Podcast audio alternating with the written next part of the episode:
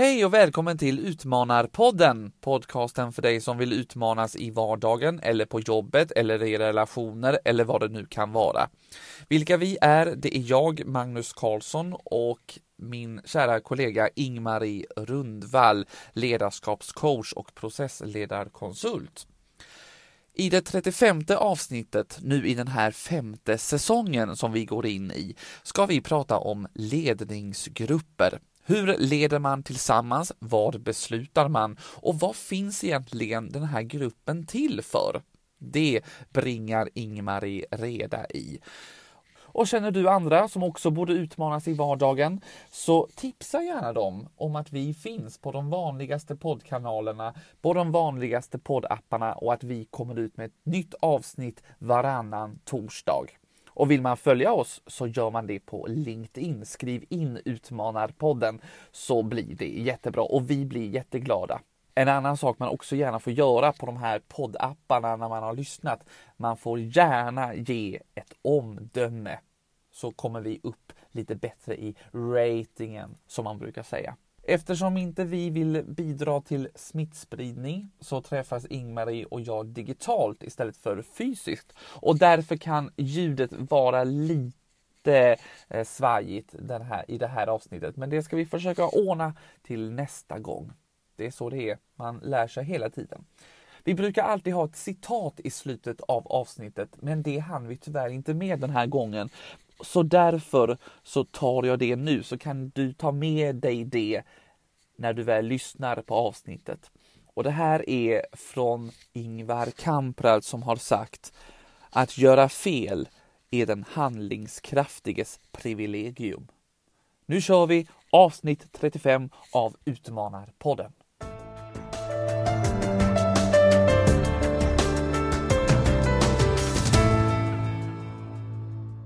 Och nu är vi tillbaka efter ett juluppehåll. Hur känns det Ingmarie? Ja men det känns jättebra. Det blev en liten jul med lite ledighet, eh, mycket julgodis, eh, mycket böcker att läsa, mycket bokläsning, eh, mycket rörelse för kroppen. Så trots att det blev en konstig jul som det mm. blev för mig som för alla andra så måste jag säga ändå att ja, men det finns glimtar av glädje som jag verkligen kommer att ta med mig från julen 2020. Vad Och själv bra. då? Den blev lite som eh, planerat kan jag säga. Eh, det var inga konstigheter som hände. Eh, jag firade jul ute på landet. Ja, jag fick ju inte träffa mina, min familj tyvärr. Eh, så det var ju det tråkiga i alltihopa. Nej, men jag, jag tycker ändå att det blev en bra jul trots förutsättningarna. Och, och, du frossade ju faktiskt i jul redan i början av adventen där så att jag menar det beror på när man börjar kalla det jul. Eh, om du kallar det liksom 1 december eller 24-25 december. Eh, så du hade ju många dagar att slå på. Absolut. Tyckte du att jag avslöjade lite väl mycket då i det sista avsnittet i säsongen eller? Ja, då var det lite så här liksom. Ja, ja, men vi låter det bero nu. Nu är det ett nytt år och vi ska göra någonting som, som jag ett tycker om. Två, vi har fått en efterfrågan om. Kommer du ihåg att vi har ju haft avsnitt som har handlat om medarbetarskapet mm. och ledarskap. Och vi kan ju se att de här där, där ledare är med oss och, och tar tipsidéer och inspireras av oss. Det är program som vi ser att ja, men de här vill man verkligen eh, lyssna och vi kan också se att man kanske till och med lyssnar om dem. Mm. Så nu blir det ju ett, ett program som handlar om det här med att leda. Jaha! Okej, okay. mm. så det är liksom från eh, eh, ledarens perspektiv, eller? Ja, nu är det ledarens perspektiv idag. Mm. Och då ska vi sätta ihop de här ledarna.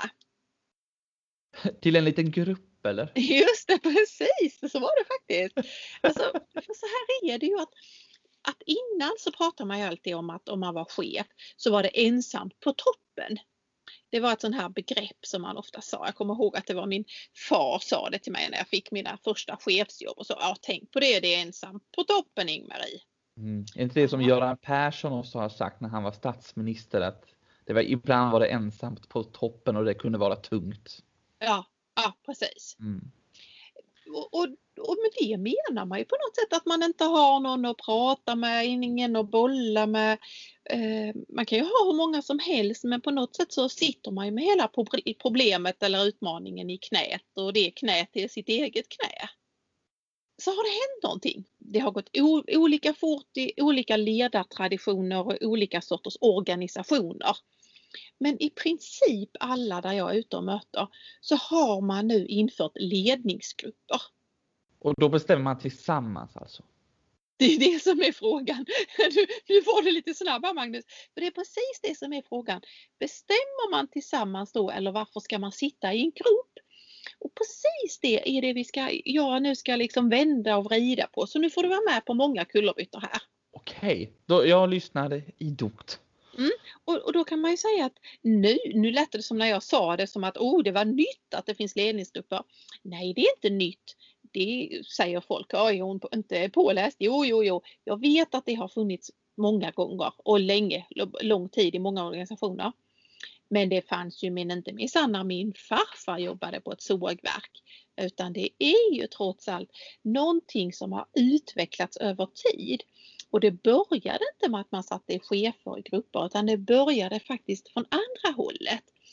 Eh, något annat avsnitt har jag ju pratat om hur det var att gå i skolan när man hade grupparbeten. Det var ju för att man skulle sitta i grupp. Sen kom man till jobbet och då skulle man sitta i arbetslag eller grupper eller så. Tillhör du också något team eller vad gör du Magnus på jobbet? Jag, är, jag sitter ju faktiskt i en liten ledningsgrupp. Oh. Eh, ja. Oj, oj, oj. Men sen om jag i mitt eget lilla arbete så är det bara jag. Eh, ja, okay. Så, så mm. därför jag liksom bollar med några andra om jag vill ha inspel. Mm. Och det är det som är frågan, gör man det i en ledningsgrupp? Men vi kommer tillbaka Mm. Så på något sätt är det ju så här att det som började med att man satte elever i grupper, så satte man lokalvårdarna i grupper och så satte man lärare i grupper och så satte man elektriker i grupper för de jobbar i team eller vad man nu kallar dem eller så. Och så satte man chefer i grupper. Och det innebär ju på ett sätt att då är man inte ensam längre. Utan Nej. då är man ju några stycken.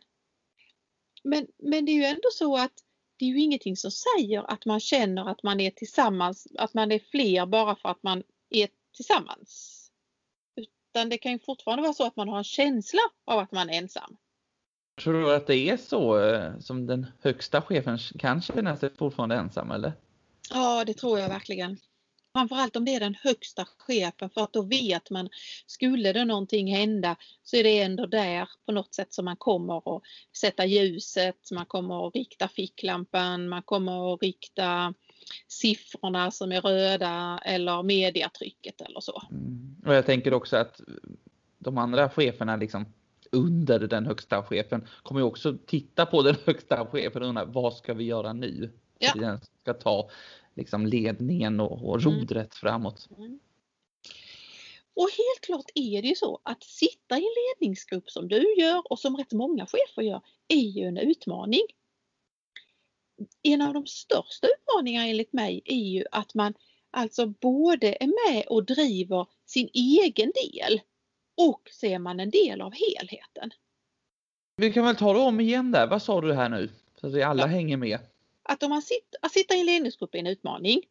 För man sitter ju där både för att, alltså man har ju då ett jobb att både driva sin egen del, sin egen avdelning eller sin egen eh, del av företaget eller norra distriktet eller vad det nu är. Och samtidigt är man ju en del av helheten. Jag förstår. Så man har ett helhetsansvar för en del och sen är man en del av helheten. Den var rätt så bra den du. Ja, det var Ja, har du, har du pratat om det här förr eller? Nej, men just den kom jag på nu så det är ja. liksom med mig vet du. Mm. Ja. Men då är vi tillbaka till det här liksom att, att, att man sitter i en grupp. Man är i en grupp. Och då är frågan det första, vilka ska ingå i den gruppen? Mm. Vilka ska ingå i en ledningsgrupp enligt dig Magnus? Börja titta liksom och tänka tillbaka på mina andra arbetsplatser som jag har varit på. Det fanns nästan två ledningsgrupper på min, eh, min förra arbetsplats. Mm. mm. Eller det är lite blandat så men det fanns en operativ ledningsgrupp och då var det mycket, då var det chefer inom olika verksamhetsområden och då VD och ekonomi och marknad och så. Eh, och sen så fanns det en liten företagsledningsgrupp som då bara var marknad och VD och ekonom, alltså ekonomichefen. Mm. Så, och, den här lilla gruppen det var väl för de liksom de riktiga stora besluten där man var tvungen att okej, okay, nu ska vi bara ta, nu ska vi ta det här och vi, där behöver vi inte veta från verksamheterna. Eh, utan mer kanske koncernnivå. Eh, så, och nu sitter jag i en liten ledningsgrupp där vi bara är tre personer och det är marknad, det är eh, regionchef och det är controller liksom. Och, och, vi tar ju liksom beslut som ja, man rör vår då region eh, som vi har mm. på, på jobbet. Mm. nu, nu är du före mig här Magnus, för nu ja. säger du vi tar beslut. Nu kommer vi till det snart. Men nu ska vi först stanna bara lite till på vilka ska ingå i en ledningsgrupp. Och det du berättar, det är väldigt typiskt kan jag se när jag är ute och möter ledningsgruppen. Att ibland är det så att man sitter i en ledningsgrupp därför att man har ett ansvar som chef och då har man plockat ihop respektive chefer och så plockar man in cheferna i en ledningsgrupp. Det kan man göra ju. Mm. Mm. Ibland säger man att eh, personalfrågorna, det som heter HR då ju, eh, är så viktigt så en HR-ansvarig eller chef måste också vara med. Eh, ekonomi hörde jag ju där hos dig till exempel. Men man kan ju också ställa sig frågan, man kanske ska ha en ledningsgrupp som består av de kloka. Eller de smarta. Eller de som är mm. nyfikna. Eller kanske man ska ha en ledningsgrupp där i alla fall några är de jobbiga. så man får lite, man får verkligen diskutera liksom. Ja. ja. Tuggmotståndet som gör att man vet om man är på rätt väg eller inte. Mm. Ja-sägarna kanske. Eller kanske ska nej-sägarna vara med i en ledningsgrupp. Så det här och då faktiskt... behöver det inte vara chefer liksom, alltså ja eller nej sägare eller de jobbiga utan det kan vara inom verksamheten eller hur tänker du? Ja, men jag tänker ju alltid att jag vill lite provocera med Utmanarpodden och utmana lite de här tankarna. För 95% av alla grupper jag träffar så har man ju ett ledningsansvar någonstans som gör att man sen ingår i chefens ledningsgrupp på något sätt. Jag har ingenting att säga om det förutom att att den frågan hänger ihop med vad är det man ska åstadkomma när man sitter i den här ledningsgruppen. Och är det så att man ska vara otroligt innovativ, eh, då kanske man behöver tuggmotståndet. Då behöver man kanske de där lite crazy. Och det är ju ingenting som säger att man är det. Så att jag vill lite ändå liksom utmana och tänka, tänk ett varv till. Vilka är det som ingår i din ledningsgrupp? För som sagt var, 95% har chefer och sätter chefer ihop ungefär. När man då har satt sig ihop, oavsett vilka de är, så måste man ju liksom leda utifrån samma värdeplatta. Eh, det kallas oftast värderingar. Ju. Ja, lite värdegrund som företaget har eller är det det vi är inne på och ja. nosar? Ja. ja. Mm.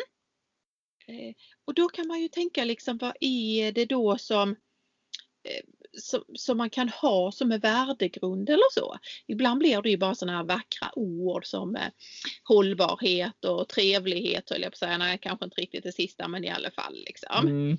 Mm. Eh, men faktiskt är det ju så att man måste ju vara, man måste ju vara överens om vissa grundläggande saker om man ska kunna leda tillsammans. Till exempel så skulle jag kunna säga att en ingång är att man måste tro eller man måste vara övertygad om att människor kan utvecklas. Är inte det självklart? Eller? Nej, för ibland använder vi faktiskt ord om människans förmåga, medarbetarens förmåga, ledarnas förmåga, så man pratar om det som om det är någonting som är statiskt.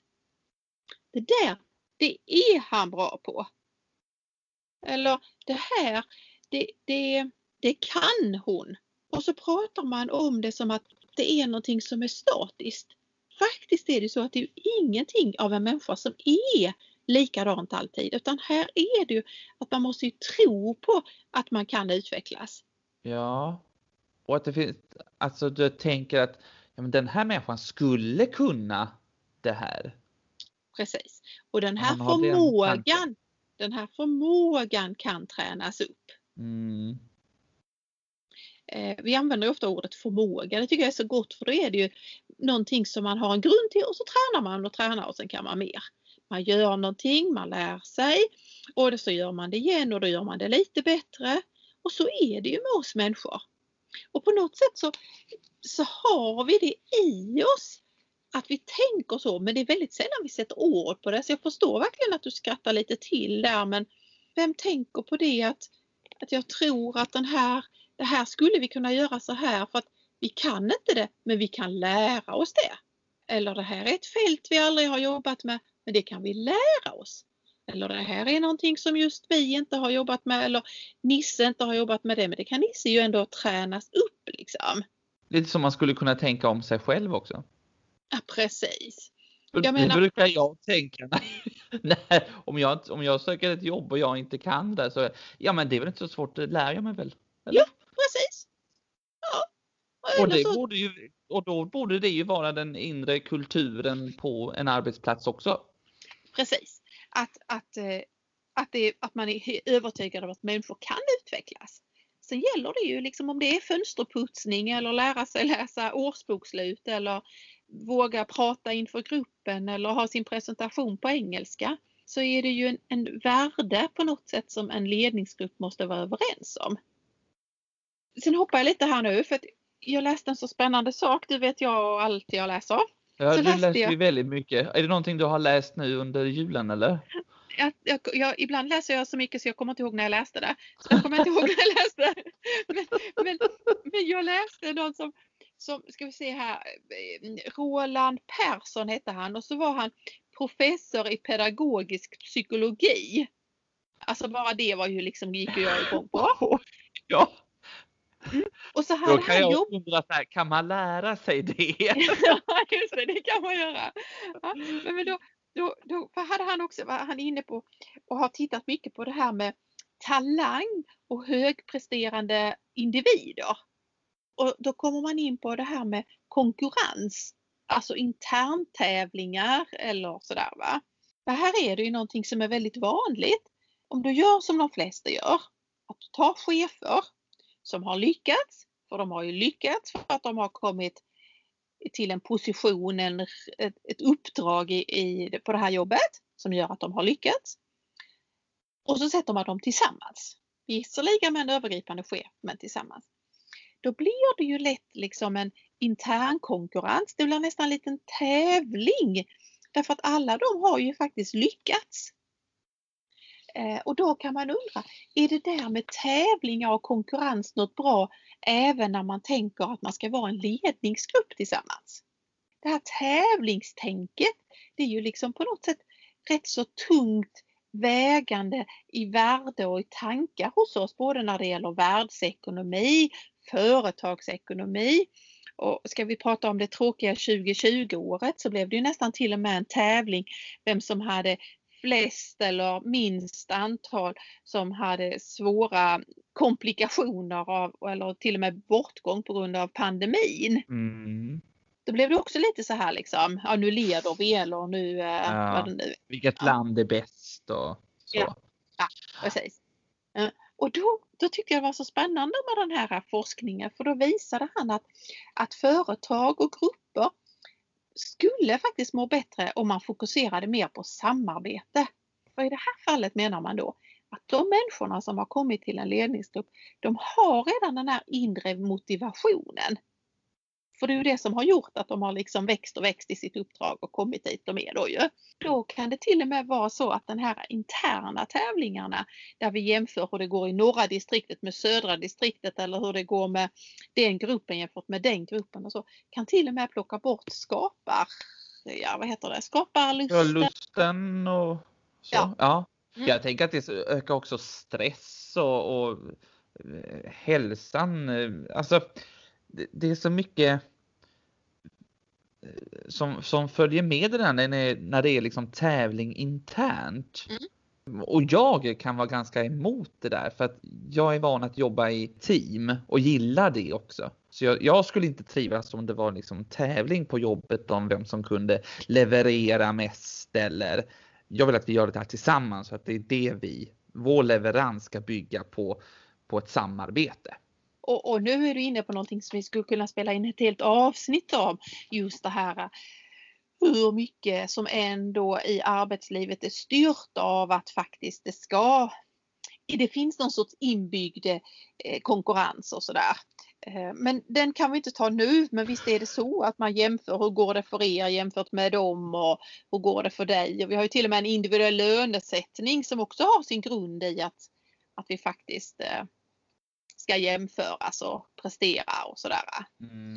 Men, Men vad tror du tävlingen, förlåt, vad, hur tror du tävlingen, om det skulle vara en tävling eh, inom ledningsgruppen, hur tror du individerna mår? Och då är vi inne på det här som blir så knepigt. Därför att på många ställen så är det på något sätt att har du mer än en som har samma funktion i organisationen så indirekt blir det ju någon sorts eh, jämförelse om det är två områdeschefer eller om det är fyra områdeschefer eller om det är två verksamhetsansvariga eller sådär så är det ju lätt att hela tiden jämförelserna kommer in ju. Mm. Det som är spännande nu när vi tänker på det, det är ju att vi sätter de här tillsammans i en grupp där de har helhetsansvaret för sina delar men där de har en del av helhetsansvaret tillsammans. Och då, och då blir det på något sätt en, en utmaning hos den här typen av människor som är de drivna cheferna. Vi får nog läsa vidare av den där forskningen mm. av eh, pedagogisk psykologi men eh, visst är det intressant att, att fundera över eh, hur gör man när man ska leda i många fall högpresterande individer som till och med har blivit chefer. Mm. Mm. Du får, eh, om du hittar tillbaka till där du läste den så får du skicka över den så kanske vi kan hitta något stycke där som vi kan lägga ja. ut. Ja, just det. Mm. Jag ska mm. se om jag hittar det bland julböckerna där. Ja. Mm. Du sa ju något lite spännande när vi började här Magnus. Du sa att du sitter i en ledningsgrupp och ni tar beslut. Mm. Vi tar ju beslut över liksom, ja, vad ska ske i regionen och vad behöver vi styra upp eller göra om och så vidare en av de mest vanliga frågorna man har när man jobbar med ledningsgruppsutveckling. Som jag bland annat gör då ju. Mm. Som handlar om, är det gruppen som tar beslut eller är det chefen som tar beslut? Och det här är en riktig kluring. För här har det att göra med varför sitter man i en grupp egentligen? Jaha. Och då, och då kan man säga så här, jag har kanske inga egentligen åsikter om det här svaret på den här frågan. Men jag brukar ofta få hjälpa ledningsgrupper till att på något sätt komma på varför ska de träffas på tisdagar? Men vad spännande! Nu är jag ju genast nyfiken på vad de svarar. De svarar otroligt olika. Några säger att de träffas för att de ska bolla tankar. Några säger det för att de är chefens högra hand några Aha. säger att de är rådgivare, att de är sparringpartner, att de är med och tar beslut. Några säger jag sitter här därför att jag är en länk till verkstaden, det vill säga jag är den som är länken till golvet. Så att när chefen ska ta beslut så vet han hur det är på golvet. Mm, Okej. Okay.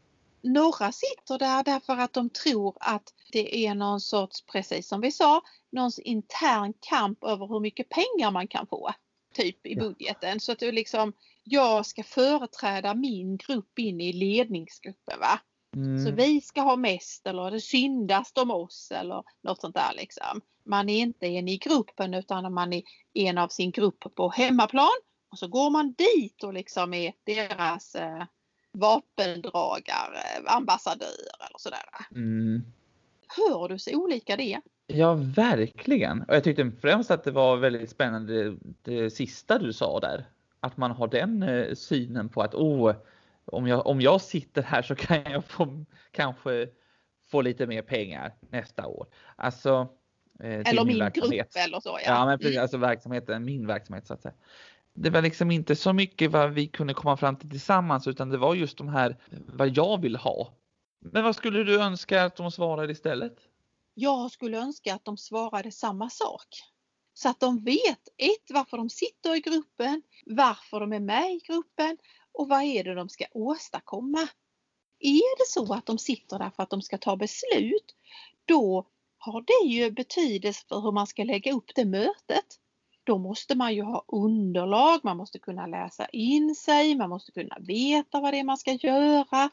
Eh, man måste liksom skickliggöras i beslutsförmåga. Men är det kanske så istället att den här chefen har valt att ha en ledningsgrupp därför att den behöver ha sån här fritänkande själar bara för att få igång sin egen inspiration och se, går vi på rätt sätt och jobbar vi på rätt sätt och sådär va. Då, då behöver man ju helt annat. Då skulle det ju låsa hela processen om man fick en fyrasidigt dokument att läsa in sig på för att svara ja eller nej på. Eller är det kanske så här att det här är ett informationstillfälle Väldigt många ledningsgrupper använder sin tid just till informationstillfälle. Då får man en möjlighet att höra hur är det runt om i organisationen och man får en information ifrån chefen som ska bäras ut till runt om i, i organisationen. Det vill säga att man får ett flöde av information in och ut Mm. Ja, ska man ha den funktionen då får man ju fundera på hur ska vi göra det smidigt.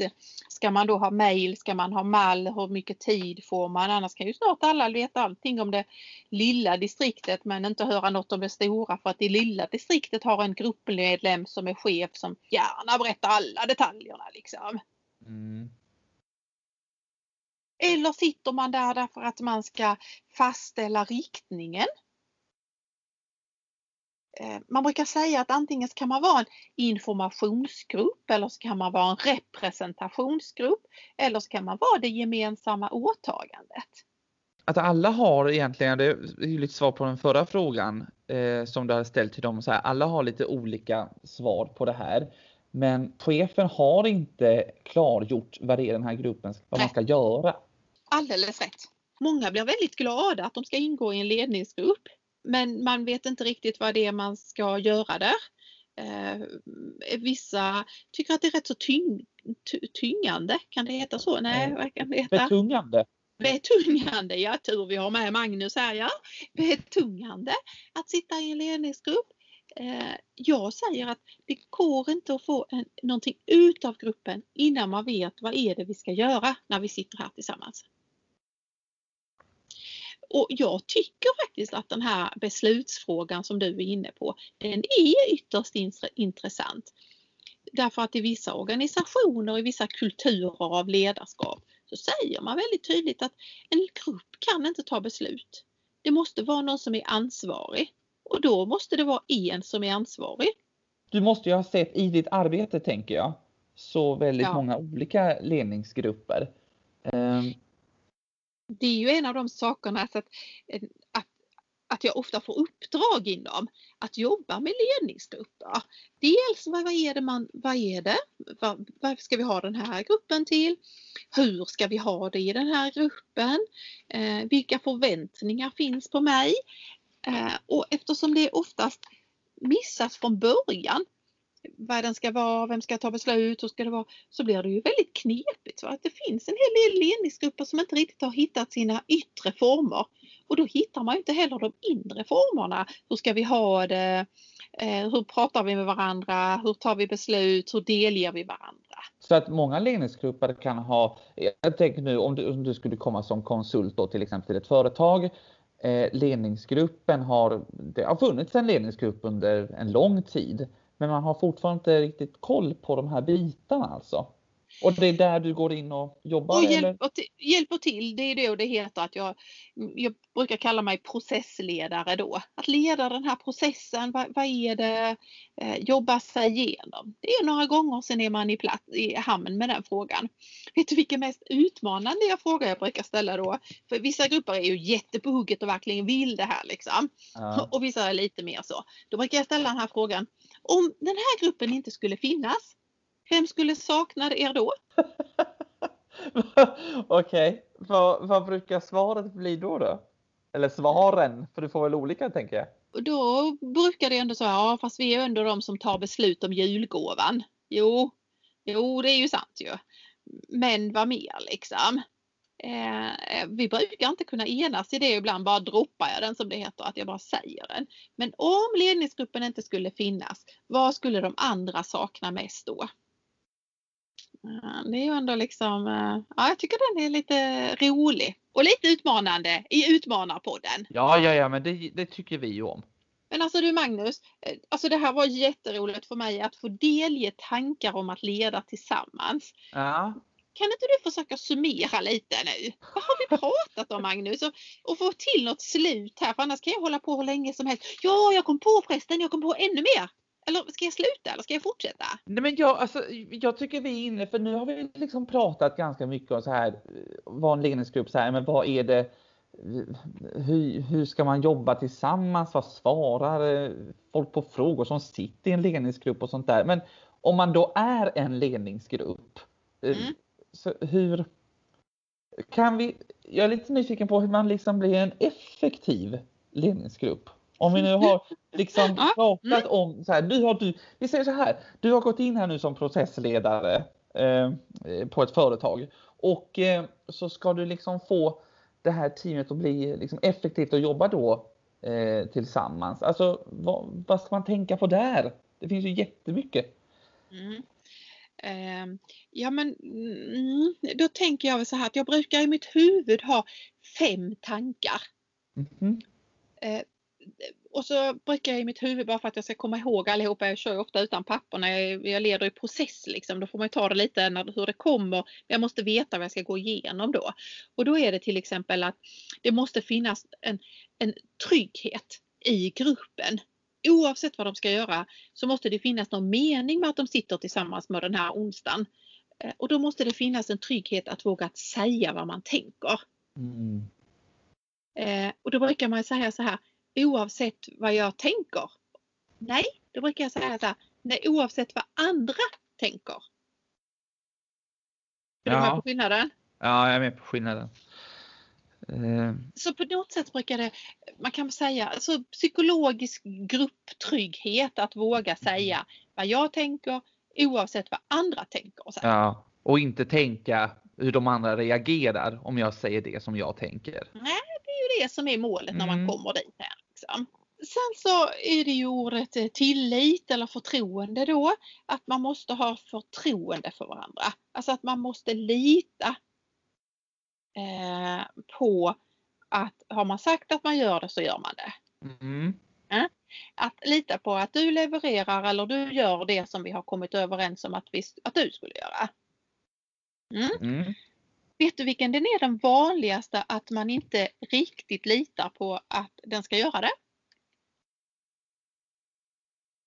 Nej, vad då? Det är på sig själv. Jaha. Ja, alltså. Okej. Okay. Alltså man måste också ha ett förtroende för att jag själv har förtroende för mig själv. Ett självförtroende. Ja. Ha, jaha, okej. Okay. Jag måste ha ett förtroende för mig själv att jag kommer fixa det här som vi kom överens om. Mm. Mm. Ja, sen den tredje benet som jag brukar prata om, eller tänka i alla fall utifrån, det är ju att det måste finnas de här eh, förväntningarna. Att, att någon har sagt, vad finns det förväntningar på den här gruppen och vad finns det förväntningar på mig? Mm, det, då spelar vi in lite på det som vi pratade om innan. Alltså vad är det för någonting man ska göra i den här gruppen? Och vad Exakt. är min roll i det? Ja, och ja. du fattar själv hur det kan bli. Om jag tror därför att jag ska sitta och rapportera från min enhet in i ledningsgruppen. Eller om jag ska sitta där därför att jag ska komma på de mest crazy tankarna för att vi är världens största innovationsgrupp. Mm. Eller eller om jag ska besluta om en budget på 30 miljoner. Det är klart alltså, att det är jätteskillnad. Ja, och ingen kommer ju bli glad efter man har gått ifrån det där mötet, tänker jag. Nej, och, eftersom det är så olika förväntningar. Ja, men precis, precis. Mm. Mm. Sen är ju jag väldigt mycket inne på, det här återkommer jag ju ofta till, att, att, att jag har ju någon grundläggande värdering hos mig att, att människor måste få känna meningsfullhet. Alltså att mitt arbete eller den delen som jag leder och känns meningsfull. Den har vi Så att man återkommit har det i ryggen. Ja, och då kan en grupp också känna, ja men det är det här vi har och sen studsar vi vidare och blir effektiva. Tror jag du är uppe i, i fyra här. Har du någon till? Absolut har jag min femte, den glömmer jag ju inte. Det Nej. är ju påverkan. Och då menar jag på något sätt att, att mitt arbete har en påverkan på det vi vill uppnå. Det vill säga att jag är med och bidrar till en del av det som vi ska uppnå. Är du lärare så ska du få lov att känna det här är viktigt att jag lyckas med de här eleverna därför att i det stora uppdraget vi har så är det här mitt bidrag till det. Och jag är med och påverkar den delen. Mm. Eh, eh, är, jag, eh, är jag ansvarig för eh, organisationens kafeteria eller personalrum eller vad det är så, så är det så att, att hur jag jobbar med eh, kaffe, nyttiga smoothies är en del av det som påverkar hur vi faktiskt kan eh, bidra till det vi ska göra. Mhm. Jag förstår. Och det måste alla i gruppen känna att jag behövs där. Alltså jag, det här är min del i det hela. Eh, och, och nu hittar jag ju på exempel som har att göra med alla medarbetare men jag menar ju naturligtvis att det är likadant för de cheferna som sitter i en ledningsgrupp att man måste känna det här tryggheten. Förtroendet både för sig själv och för andra. Känna, det här är tydligt, jag vet vad jag ska göra. Det är meningsfullt och jag bidrar på den vägen. Då har man en platta som gör att man kan hitta effektiva arbetssätt. Smart. De här, de här kommer vi att lägga ut lite i en samlad bild här på vår, våra medier så att man kan se det här också lite lätt uppstaplat. Ja, och med medier menar vi framförallt på LinkedIn där vi då har nu en sida som heter eh, och finns att följa som Utmanarpodden. Gör Ja. gärna det för då får de ju mycket mer. Eh, Förutom lite roliga foto från oss, men det är inte det roligaste. Utan man får ju verkligen en liten, eh, ja det är lite roligt. Eh, nej, men man får ju liksom en liten, Man kan ju få en liten aha. Eller ja jag skulle faktiskt dra till ännu mer och säga en liten mini-fortbildning i Mm. eh, ledarskap, utveckling och sådär. Helt gratis. vill vi bara påpeka. Ja, precis. Ja. Men du Magnus, alltså oj vad länge jag har pratat nu. Kan inte du summera lite en gång till? Ställ inte fler följdfrågor för då kommer jag bara igång igen. Eh, avsluta istället annars blir ju trött, lyssnarna helt trötta. Ja, absolut. Det var ett långt lärande pass här som eh, du hade idag, eh, Ingmarie, det Mm. måste man ju ändå få säga. Men vi har väl ändå pratat om hur vi har en effektiv ledningsgrupp, att de som är med i ledningsgruppen måste veta varför man är där eh, för att kunna komma fram till någonting som passar verksamheten och gruppen och att försöka samsas i den samsyn. Och sen så är det ju liksom viktigt det här att också då ha ett självförtroende in i ledningsgruppen. Väldigt många, det är nästan så att man skulle behöva lyssna om på det här, jag som då sitter i en ledningsgrupp, att jag kanske skulle lyssna på det här eh, eh, avsnittet själv. Men det gör jag ju när jag klipper så det blir ju jättebra tänker jag. Gör så Magnus.